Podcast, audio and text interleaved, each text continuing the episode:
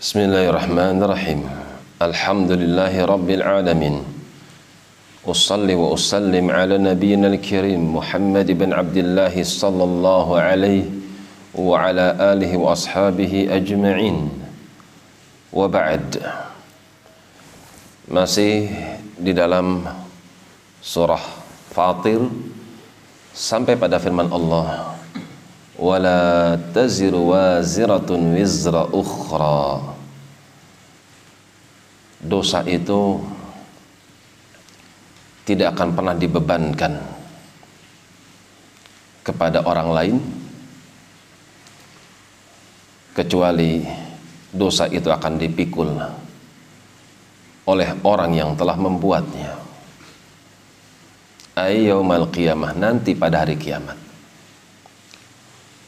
orang lain tidak akan memikul dosa kecuali apa yang telah dia perbuat.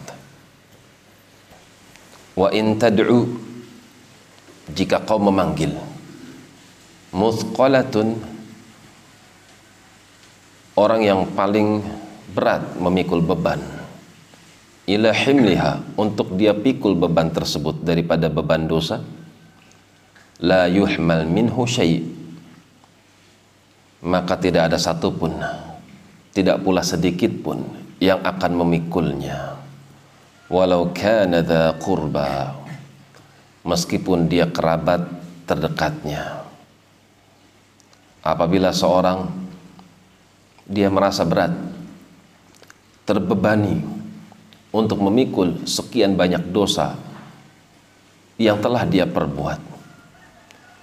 Andai orang ini memanggil kerabatnya apakah itu bapaknya sendiri?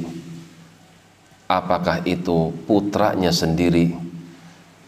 Maka sang ayah atau sang putra tidak bisa memikul beban kerabatnya. Ketika di dunia seorang ayah iba dengan anaknya dan sebaliknya.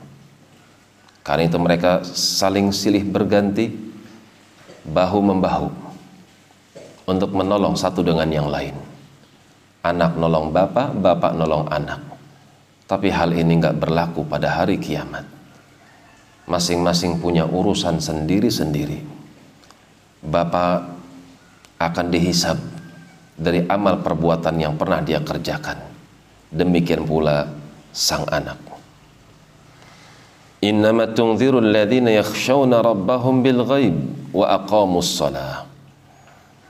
hanya saja orang-orang yang bisa kau berikan peringatan adalah orang-orang yang takut kepada Tuhannya.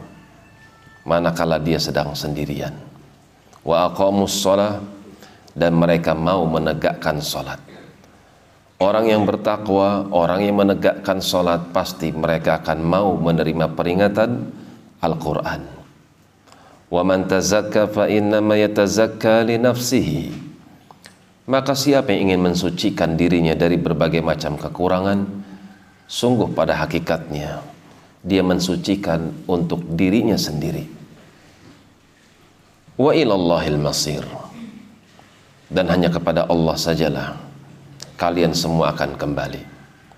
Siapa yang berupaya untuk menjadi orang yang baik maka kebaikan kembali kepada si pelakunya dan siapa yang mengotori jiwanya enggan untuk memiliki jiwa yang suci maka kejelekan itu pun kembali kepada si pelakunya. Demikian wallahu taala alam bisawab